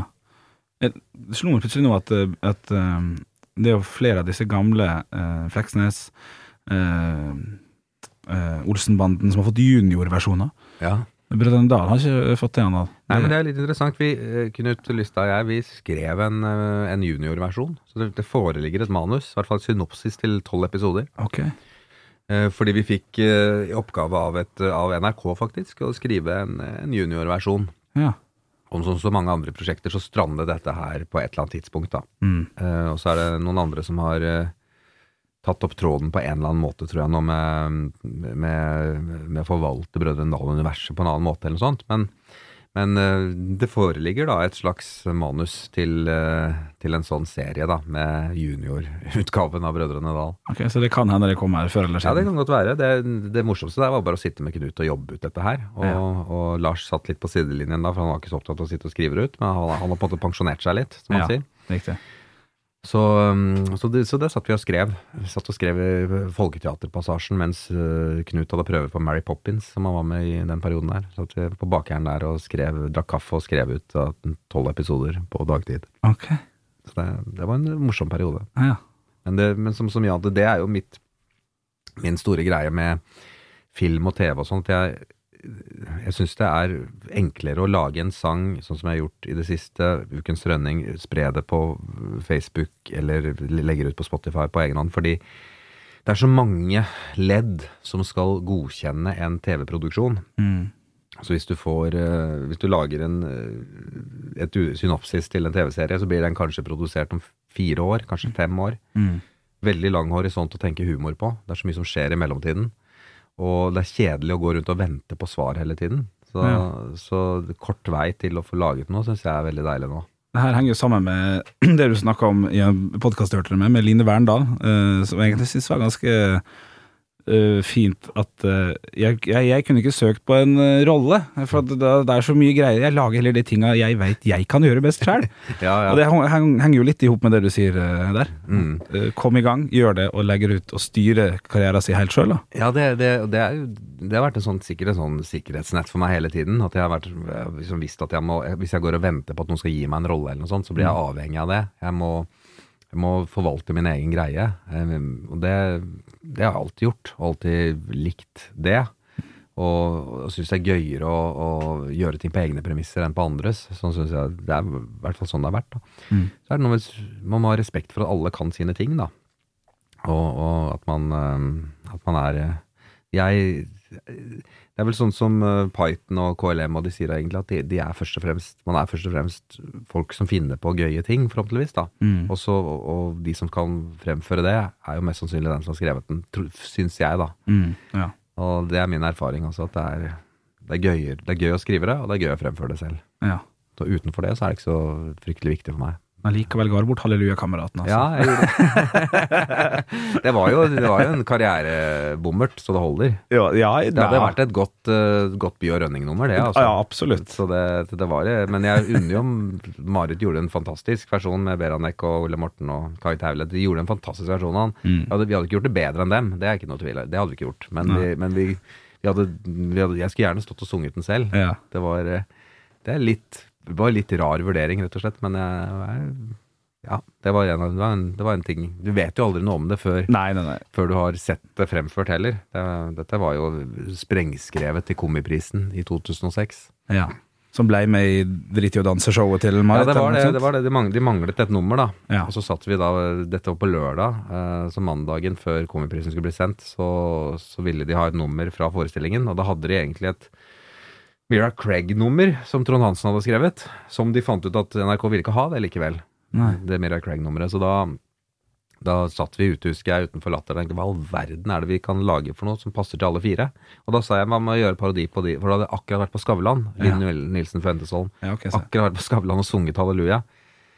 Hva med å synge, lage en ærlig versjon av den, hvor man synger, synger rett ut at her lager de en slags sånn litt mer sånn Pengemaskin. Ja, ja søtladen versjon av en, øh, av en kommende låt. Ja. Og ringte Vemund, sprengskrev den, og så vips, så var den med på lørdagen. Og jeg skjønte jo idet det gikk inn på prøvene, for vi var med på samme sending. Ja. Eh, Vi gjorde noe annet da, i den forestillingen. Anne-Kat. før og nå gjorde vi en, et nummer. Ja. Eh, om Anne-Kat. Vestli og Annika Tærland. Som Ja, med dukken, Ja, eh, Trond Hansen hadde skrevet et nummer hvor, han, hvor han tok utgangspunkt i at eh, Anne-Kat. før og Anne-Kat. nå har to for, veldig forskjellige forskjellige stil, da, som er et glitrende Trond Hansen-nummer. Eh, og um, da så jeg på prøve at dette, dette kommer til å funke så fint på kvelden. Og når vi satt i, da vi satt i salen, så merket vi at det, det var sånn, et øyeblikk der som bare var veldig spesielt, altså. På det nummeret Halleluja-kameratene. Var du involvert i eh, den gangen Askild Holm eh, kuppa det nummeret eh, i hans eh, Var det i Trondheim, da? De var i, de var, de var i hvert fall Nord-Norge, eh, Nord-Norge. Tromsø, eh, tror jeg. Og ja, det var jo faktisk eh, Det var jo Askild Holm som møtte meg på Bylarm på Rockefeller. Ja. Det var en tid jeg var, liksom, jeg var, jeg var veldig mye ute da, i den uh, by- og rønningtiden. Jeg var liksom sikkert ute fem-seks dager i uka. Mm. Og da, da hadde jo han fått med seg den parodien, ikke sant. Ja. Så han sa kan ikke, kan ikke jeg hevne meg på dem på en eller annen måte. ja. Når har de, når har de konsert og sånn. Så hadde han sjekket ut de, har mulighet til å reise til Tromsø.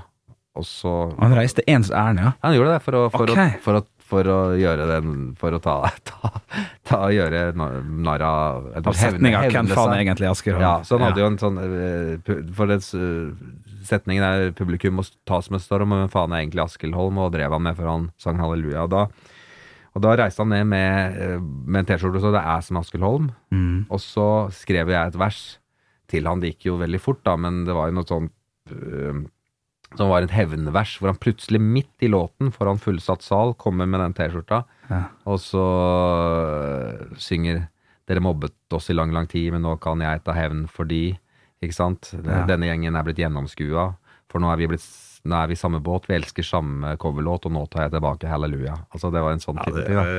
Og, da, og, da, og det tok jo veldig av, og så var TV med og filmet det, og så ble det Så han øh, Så jeg fikk en sånn Klokka tre eller fire om morgenen så fikk jeg en overstrømmende melding av Espen Beranek Holm som takket for stuntet, og da skjønte jeg at festen varte lenge etterpå. Ja. ja, det er fint.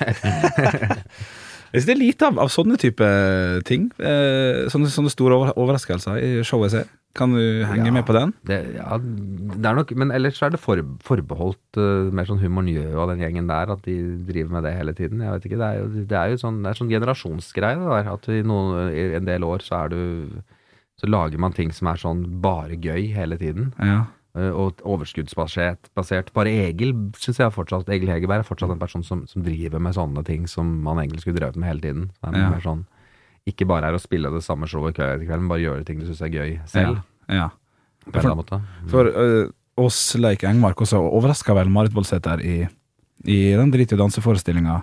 Ja, ja med dansing, ja. Med Da var med i Skal vi danse. Ja, riktig. Mm, mm, det kan nok stemme, ja. Mm. Sånne gags ja. syns jeg Eller kanskje bare bare er på feil forestillinger, selvfølgelig, men eh, sånne ting er veldig gøy. Det må ha vært veldig gøy å være publikum i salen når Askild Holm kommer inn og tar hevn. Ja, ja, det, er- ja, det er det. Ja. Nei, overraskelse på den måten, ja. Det er helt enig. Det, det, er det, det er det for lite av. Ja. det er det. det er, men uh, man har alltid noen ideer, men er, ja. man gjør det ikke. Nei, kanskje det er at man ikke tør. Ja. Uh, nei, jeg vet ikke. Jeg syns det er gøy. Jeg synes det, er gøy. Det syns alle er gøy, tror jeg. Du, Hver gang jeg hører, et, eh, hører deg i et intervju eller leser om det, eller et eller annet, og spørsmålet kommer opp om hva du liker, hva du har likt, så svarer du veldig ofte fra A til Å, føler jeg, at du, du liker veldig mye. Det er den sære svenske gruppa, det er KLM, det er Monty Python, og så er det eh, Rolf Just Nilsen. Det, det, det, det er så overalt. Så spørsmålet er hva er det du ikke setter så stor pris på? Det er et litt sånn negativt spørsmål, så kanskje er dumt å svare på. I humorsammenheng, I eller? humorsammenheng. Trenger ikke navngi folk, men, men er det hva kan noe du si? Det, det, det, det, som, eh, det som jeg kanskje liker minst, er jo, er jo når humor blir bare sånn um, salgsvare, hvor, hvor man har, Jeg har vært i noen sånne idémyldringsmøter til show, hvor det er ingen som egentlig Det er, ingen, det er verken, de, verken de som skriver sketsjen har ideen, eller de som skal fremføre den, har egentlig noe kick på det de skal gjøre. Det bare ja. funker for folk, sier de, ikke sant? Ja. Gi folk, gi Ja. folk det folk vil ha, på en måte. da At det, dette, dette ler dem av, ikke sant? Ja. Det ligger ikke noe kjærlighet i bunnen? Nei, det ligger ikke noe kjærlighet. Det er ikke egentlig noen god idé heller. Det er, det er, ikke noe sånn hjerte noe sted. Jeg, kan, jeg synes at det, jeg, hvis jeg, hvis det, det fineste jeg ser uh, av humor, samme om jeg, det er min smak eller ikke, det er, det er om når mennesker mener det, eller har en eller annen tanke bak det, eller det, det For det er jo det jeg kan huske med den by- og rønning-følelsen, var at vi, vi elsket å gjøre det vi gjorde. Ja. Det liksom kriblet etter å få gjøre akkurat det. Og det, og det er en sånn, I den perioden føler du at åh, dette må vi vise. Vi gleder oss til det kommer. Det her blir gøy. Og det her er, og om det da ikke slo gjennom, eller om det, om det funka bra, eller, det var ikke så viktig, for vi sto for det. Og så var det ekstra gøy hvis det funka, da. Men veldig masse av det som øh, lages, øh, er jo sånne ting som Det er egentlig ikke noe ærlig motiv bak det noe sted. Mens det jeg liker veldig godt, er når jeg ser at de som har laget det, de brenner veldig for det. Mm. Det var jo det jeg elsket med Bård og Harald også. ikke sant? At du så at den humoren som de presenterte i Lille Lørdag eller Åpen post, eller noe sånt, det var, var noe de som, det var noe de sto for, som var deres humor og var veldig deres særpreg. Ja. Og hver gang jeg ser en komiker som er sånn, så blir jeg glad for det. Derfor har jeg ikke vært så fryktelig glad i sånn når man begynner å lage standup eh, formelbasert, begynn med, start med å si det, for da Mm. ler de, ikke sant? Mm. Det blir sånn, eh, ta tak i det, for det ler de av. Mm. Det syns jeg for meg er det litt feil ende å, å begynne i. Fordi da, da, da følger du publikum. Det er publikum som skal følge deg, på en måte. Mm. Så jeg, jeg har aldri vært så glad i sånn kurs i hvordan bli morsom. For det, jeg, det er ikke der det ligger. Og som regel er vel den flinkeste på det kurset er den som reiser seg og sier dere kan ingenting om det dere prater om, og som Mm. går ut døra. Ja. ja. Det, det er ikke Det er Du må på en måte Det må springe ut fra et, et behov inni deg for å, for å lage den humoren du står for. Og da trenger det ikke å være veldig gøy, gøy for alle, men det må være gøy for deg og den gjengen du lager det med. Mm. Og så får du håpe det da blir gøy på sikt for de i, i salen. da. Om du ikke treffer akkurat nå, så kanskje du treffer i fremtiden. ikke sant? Fordi du insisterer på formen din, eller du er med og du, du, hugger, du hugger en slags figur i sten, og til slutt så, så ser du hva det blir. Men så får publikum være med på, på den prosessen. Mm.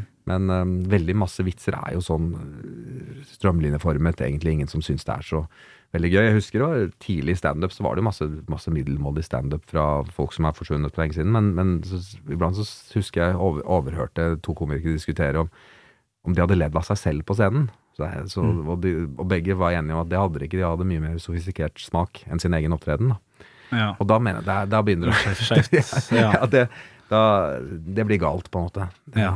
Og da, da kan du si det er sikkert mange som syns at akkurat det jeg driver med, eller det, det Bjørn Rønning drev med, ikke var deres kopp med te, og kanskje mener det er til tider for folkelig, eller tenker at kanskje jeg er en person som vil gjerne tekkes alle, kanskje. Mm. Ikke sant? Det har aldri vært min tanke i det hele tatt. Min tanke har bare vært at akkurat den formen for humor er den humoren jeg syns det er gøy å lage. Jeg syns det er gøy å få til et, et uh, godt rim eller en, en god låt som Jeg har gleda meg masse til å fremføre noe som jeg og Trond Hansen har sittet og skrevet i timevis. Mm. Eh, Og i den, i den prosessen så ligger det ikke noe spekulasjon, og i de, de gangene som man har vært tendert til at ah, nå lager man noe for, fordi man er uinspirert, så lager man kanskje noe som, i, som man tenker vil funke, det, er, det har aldri slått an. Det, det må være komme innenfra. Ja. Og, så, noen, og så har noen mer sær smak enn andre, og lager særere og rarere og mer corny ting som, som har smalere publikum. Og så har jeg, som, som jeg har nevnt, vokst opp med ting som er ganske bredt, da Mm. Som Paus og, og, KLM. Og, og da er det ikke unaturlig at det jeg lager, blir ganske likt det som, Mm. det som jeg likte selv som, som ungdom. da. Mm. Så, så jeg tenker at det der er Hvis jeg skal si at det jeg ikke liker, så er det vel det når folk spekulerer. altså spekulasjon, Mm. eh, Uttrykksbehovet må være større enn spekulasjonsbehovet. Eh, og det, det er en veldig viktig balansegang. Vi har snakka mye om Bjørn Rønning, har snakka om samarbeid med Ole Paus, eh, samarbeid med veien fra eh, Anders Bygård ut av Bjørn Rønning eh, til du gjør sommershow og i Grimstad med Sass og med Hilde Louise og osv. Nå er det litt Ole Paus-forestillinger. Hva er mm, neste steg på veien? Et klassisk eh, avslutningsspørsmål, egentlig. Ja. Eh,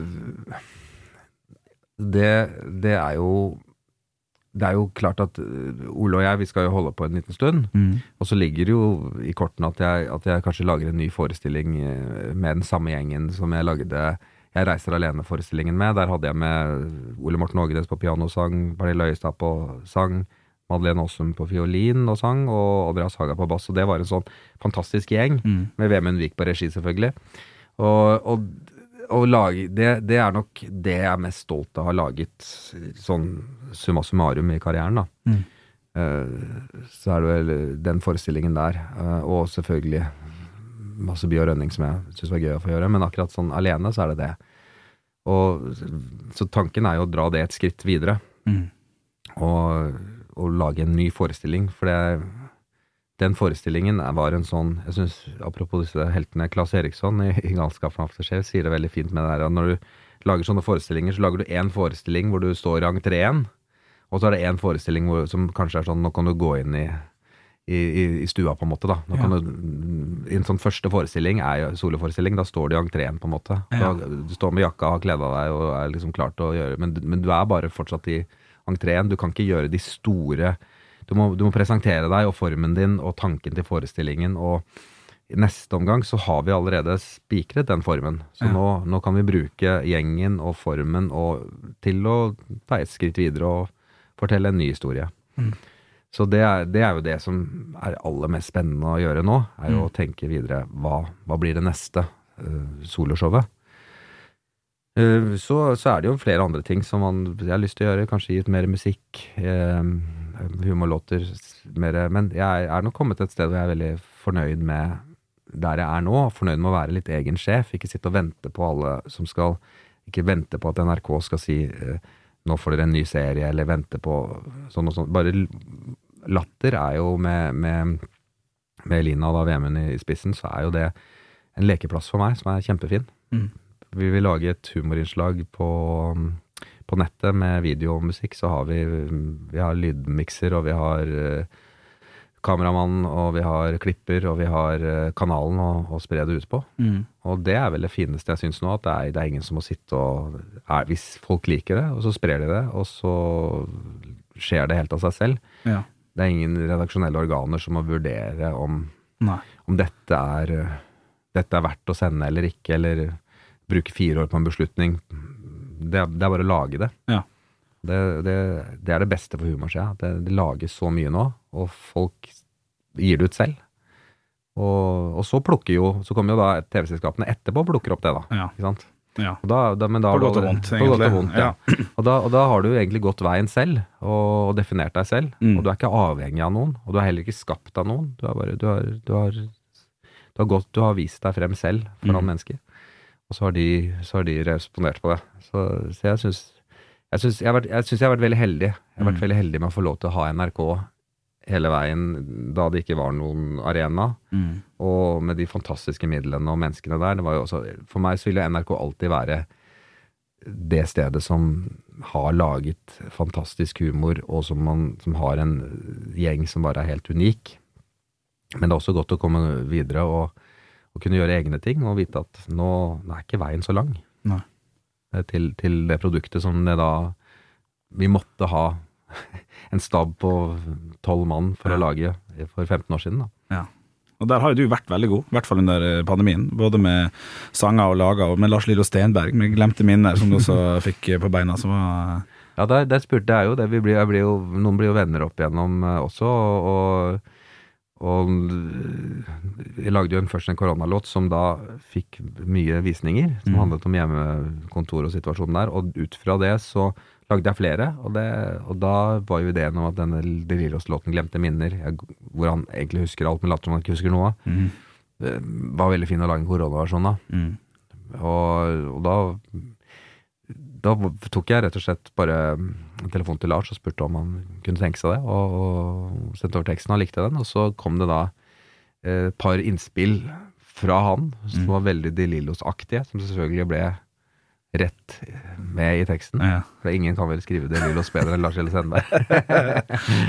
så, det, så det var jo veldig, var jo veldig gøy, og, og veldig Det er vel en sånn Det er vel den største største gleden jeg kan ha Mm. av å ha holdt på noen år. At du rekker å treffe mennesker, få venner, og at man liker hverandre forhåpentlig såpass godt at det, veien er kort da, til å gjennomføre. Man får en idé. Det hadde vært gøy å jobbe med Lars Lillo Stenberg nå på Mm. denne låten, og så spørre han, og så er han med. Mm. Det, eller Ole, eller hvem enn det måtte være. Som han, og, og det er ingenting som er morsommere enn det. Mm. Å få lov til bare Det ble sånn som jeg så for meg i hodet. Mm. Jeg håpet at Lars Lillo kunne være med på den ideen, Mm. og så ble han med, og så er det ute. Og det, den, den, det er sånn jeg funker i hodet mitt. At Ja. jeg syns det er gøy å vite at ah, nå, nå Tenk om det går an. Ja. Tenk om vi får det til. Nå, jeg skriver det ut, og så er han med. Ja. Så er det jo masse ting som ikke er blitt noe av også. Vi, vi hadde jo en Jan Eggum på han igjen, selvfølgelig, sånn koronaversjon. Ja. Som, eh, selv om jeg kjenner Jan Eggum godt, og, og, og bidro i boken hans og alt mulig sånt nå, så er det en sånn ting som har koket bort. Ja. Det, så det er masse ting som er skrevet ut som ikke fins, liksom, Mm. eh, innspilt. Men, eh, men sånn er det. Er en del av hele, hele oppskriften på Du må lage mye, og noe, noe blir det noe av, og Ja. masse blir det ikke noe av. Det her var en, eh, en fin prat, Jan Niklas. Jeg vil avslutte med eh, mitt høydepunkt med, med det på scenen, eh, Ja. som jeg håper, jeg håper du kan kommentere også. Eh, når vi skal til Standup-festivalen 2009, 10 eller 11, eh, okay. når eh, det var ei gruppe som het Stor overraskelse, så skulle oh, han ja. noe impro-rapp. Stemmer. Egentlig? husker jeg, ja. Mm. Lurer på om du var konferansier, eller eh, Det, det, det, kan, det høres riktig ut, ja. Ja, jeg lurer på det. Og så var det flere komikere der, og så het de Stor overraskelser, med Nils med skills i spissen der. Ja, og Drulian og Skranglebein het de andre. Riktig. det her var vel eh, midt under Skis TV, kanskje? Ja, det var Når det gikk på VGTV.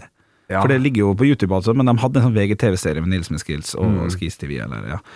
I hvert fall så øh, hoppa du inn, og jeg, inn, jeg innbiller meg og håper og tror at det ikke var veldig planlagt at du ville gjøre det. Eh, Nei, det, det, dette her er jo Dette er igjen jeg husker veldig godt, men dette er jo en av de tingene som, som, som jeg ikke har blitt minnet på veldig mye, for å si det sånn. Men det, det, men det, som var gøy med det, var jo at de eh, fikk jo den ideen om at Stor overraskelse, som drev da med freestyle, eh, de skulle mer inn på eventmarkedet og i standup-sammenheng og teste ut det. For det er, folk syns jo det er gøy med free, freestyle. ikke sant? Ja. Så det er gøy å bli, at noen lager sjanger om dem i salen eller om temaer, for det skjer der og da. mm.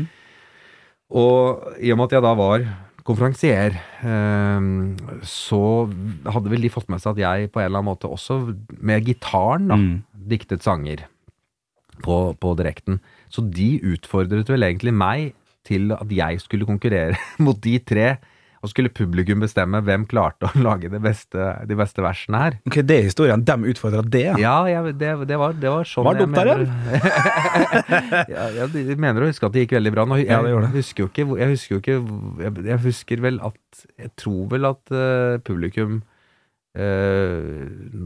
Dette husker du sikkert bedre enn meg, men eh, du var der? Jeg var der, jeg Ja. husker det, og jeg husker at den ble forfjetret av at han der Jon Niklas Rønning eh, var så jækla god, og så mye bedre enn dem. Og ikke til forkleinelse for dem, for de var ganske fine, Ja, de, òg. de er Norges beste på det, og eh, Nils med skills inviterte meg, og da hver mandag hadde han hjemme i leiligheten sin hadde han sånn freestyle-møte, hvor, hvor, hvor de liksom fremste som drev med den formen, da, møttes da for å Øve, for, for liksom? Å, ja, for å ja, øve og battle og sånn. Ja, okay. Så jeg var, ja, jeg battla på et par andre steder også i etterkant av det. Ble invitert av den gjengen der. Tenkte, Dette her er jo ikke min, det er ikke min arena, egentlig. Okay.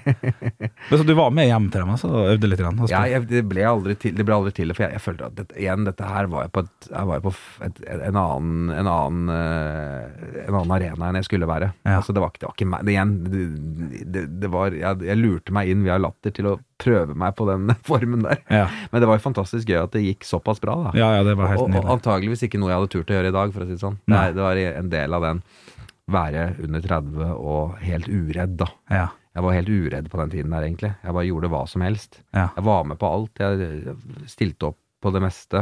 Om det var en TV-sending som skulle ha ja. Vi skal ha oss til å gjøre noe, så om vi ikke hadde øvd så mye Bjørn Rønning dukket opp og gjorde et fem minutter nummer Ja. som vi skrev på flytoget dagen før. ja. Uh, husker du at Leif Juster hadde en sånn um, var en sånn Juster-hyllest på på Ch- Chateau Nei, på Edderkoppen. Og, og da, da hadde jeg og Anders da skrevet nummeret dagen før. Mm. Så, så, så vi var på Edderkoppen der, og det var, vi var helt uredde egentlig da, fordi vi hadde så vidt liksom øvd gjennom det nummeret, og så blir det fil, filmet, og så blir det sendt. Og Ja. sånn holdt vi på hele tiden. Sånn hadde jeg ikke holdt på nå. Ikke sant? Så nå, nå hvis vi ser idrettsgalla sang, Ja. nå om idrettsstjernene våre, så, så skriver jo jeg og Trond den i flere omganger. Vi sitter kanskje fire-fem dager og skriver eh, den, og så tester jeg det ut for NRK-ansatte. Eh, kommer opp med gitaren og spiller da Her er årets idrettsgallasang. Og så, så kommer de med innspill på poengene, og den må du endre, og sånn og sånn. Og, sånn. og, så, Ja. Og så etter at jeg endret den, etter at NRK har hørt den, og Trond og jeg har da jobbet med den så lenge, så tar jeg den med på Latter og spiller den for publikum der. Ja. Og så synger jeg den på, på scenen på Hamar og Olamfjell og sånn. ja. Mens før så var jo liksom første gangen vi gjorde noe iblant, da, Anders og jeg, var jo da på innspilling. ja.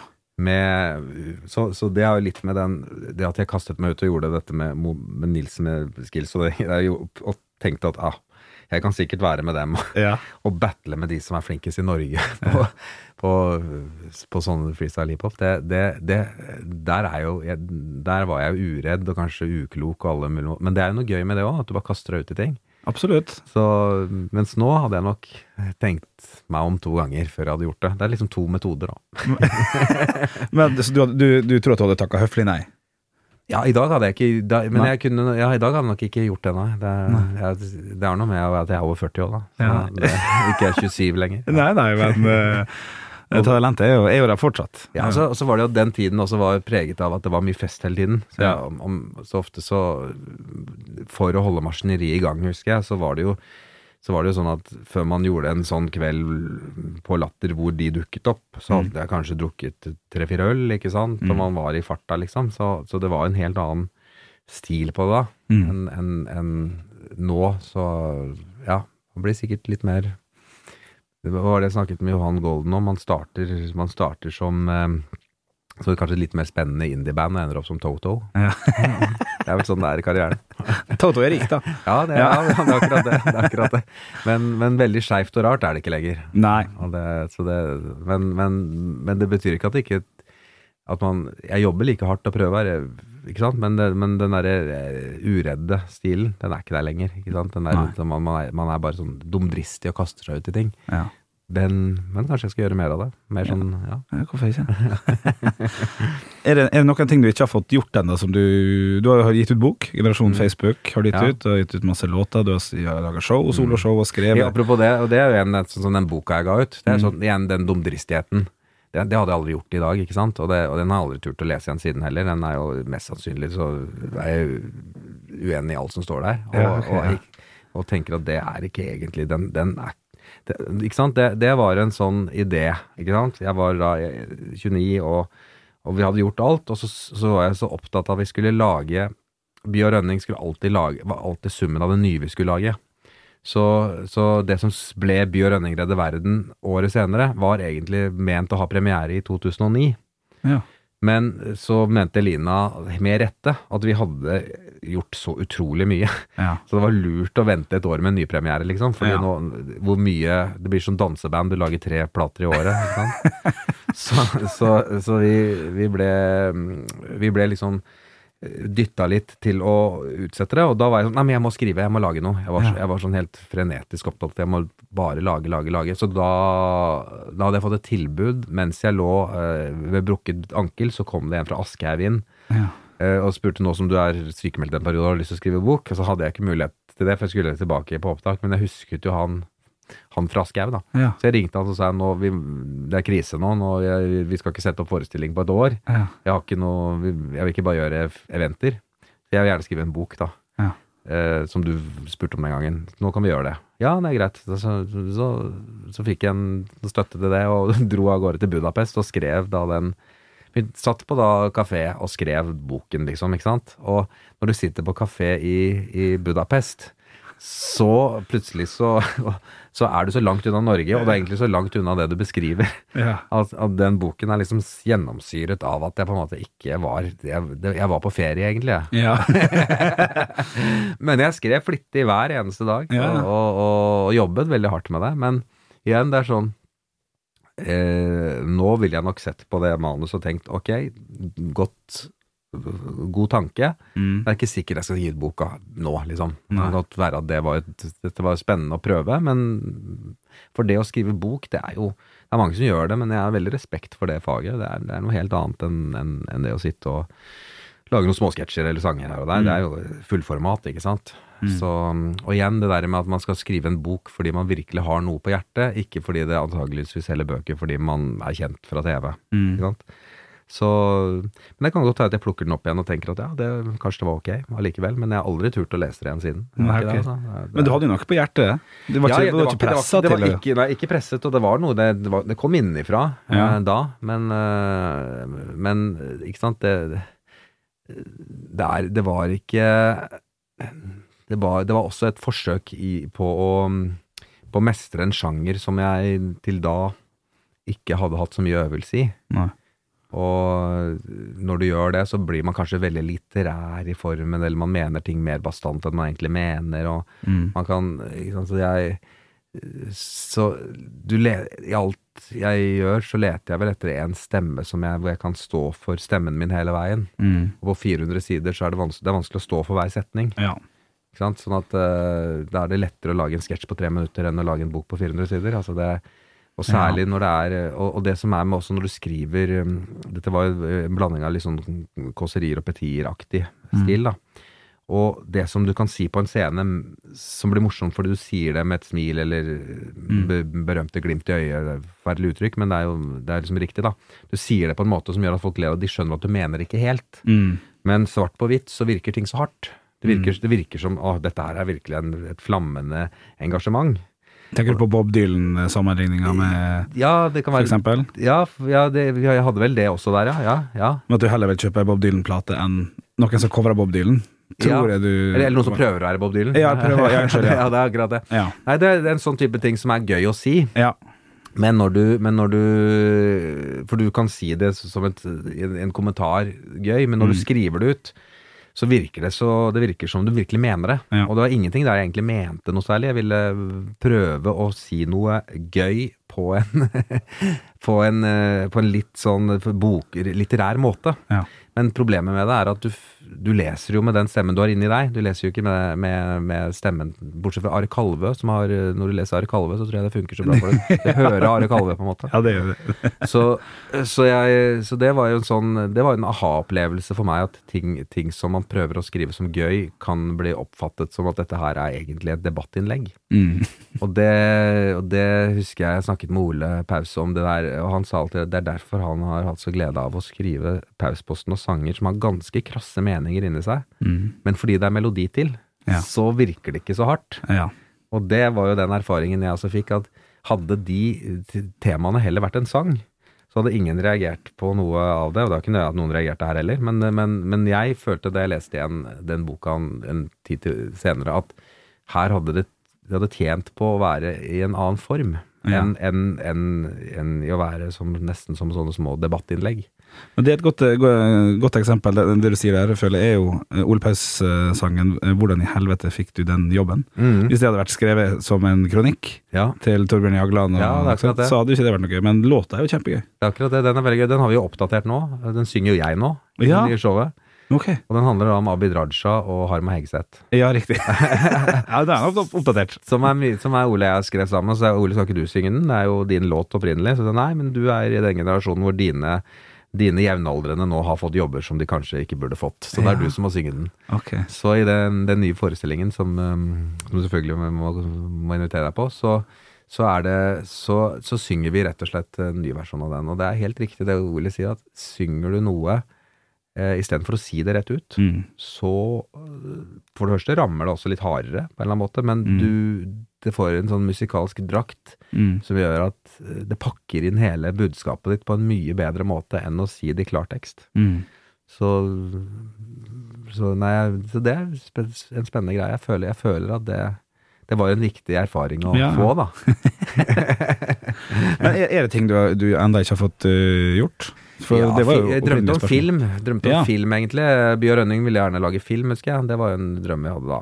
Eh, lage sånn ordentlig parodifilm, hvor vi parodierte alle de store filmene som var det Ja. året. Og så var det også snakk om eh, Sverige. Å, å, gjøre, å gjøre show i Sverige. Vi gjorde det én gang eh, i Stockholm. Bjørn Rønning live i Stockholm Live. Ja. Okay. Eh, 17. mai der. Og sammen med Yngve Skomsvold Oh, ja. Fra Norge. Og, Så og, så vi har hatt en drøm om å lage Eller i hvert fall jeg har hatt en drøm, jeg skal ikke si hva Anders har drøm om. Han, hadde han hatt den samme drømmen, så hadde det sikkert skjedd. Ja. Men da å, lage et svensk eh, TV-show, eller, eller en eh, svensk forestilling, da. Ja, For det er vel bare de Disney Tunes som har gjort? Ja, det er det. Og så så er jeg så opptatt av Sverige og, og mine helter Lars Winnebeck og mye musikalske ting som gjør at jeg Det er jo en verden som jeg føler at jeg kjenner litt til. Som er Mm. gøy å ta den formen vi hadde, eller formen jeg har nå, og så heller ja, prøve å se hvordan ville det gått i Sverige. Mm. Og det er jo det gøye hele ting- tiden. da. Jeg husker jo da By og Rønning var i Sverige, så, så møtte vi da et publikum som da ikke visste noe om hvem vi var. Mm. Så det var jo som å reise tilbake i tid til da vi debuterte. Ja. Så det var jo sånn forfriskende. Du blir målt ut fra det du faktisk presterer, Ja. ikke basert på at du har vært gøy på TV noen ganger. Nei. Så du allerede, når du allerede har gjort, Folk vet at du er en som leverer humor. Ja. Så det er så, så du har, Og du har kjøpt billett, så vet du vet du, Hvis du går på et show med en komiker du liker, så vet du allerede at dette kommer til å bli gøy, for da, grunnarbeidet er gjort. Mm. Du, du har ledd av vedkommende før, og da er mest sannsynlig du klar for å le av vedkommende igjen. da. Ja. Mens det å opptre i Sverige, det var sånn Her begynner vi helt på nytt. Her må vi overbevise et svensk publikum. ja. Men hvordan gikk det?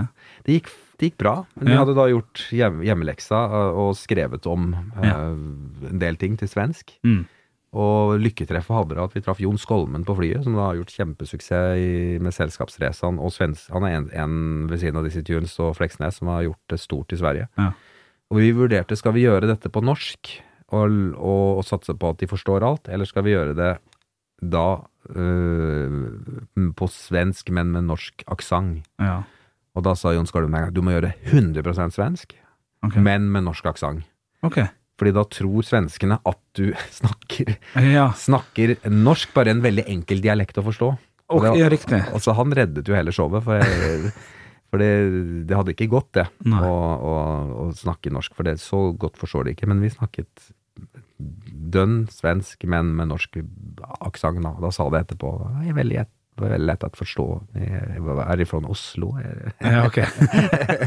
Så det er trikset? ja, det hvis er man skal Ja, ja, go big in Sverige? Ja, okay. Det var, det var i hvert fall det, det trikset der som alle de norsk-svenske har gjort, tror jeg. Ja, det er ikke dumt, det. Skavlan har vært et eksempel på det. Absolutt.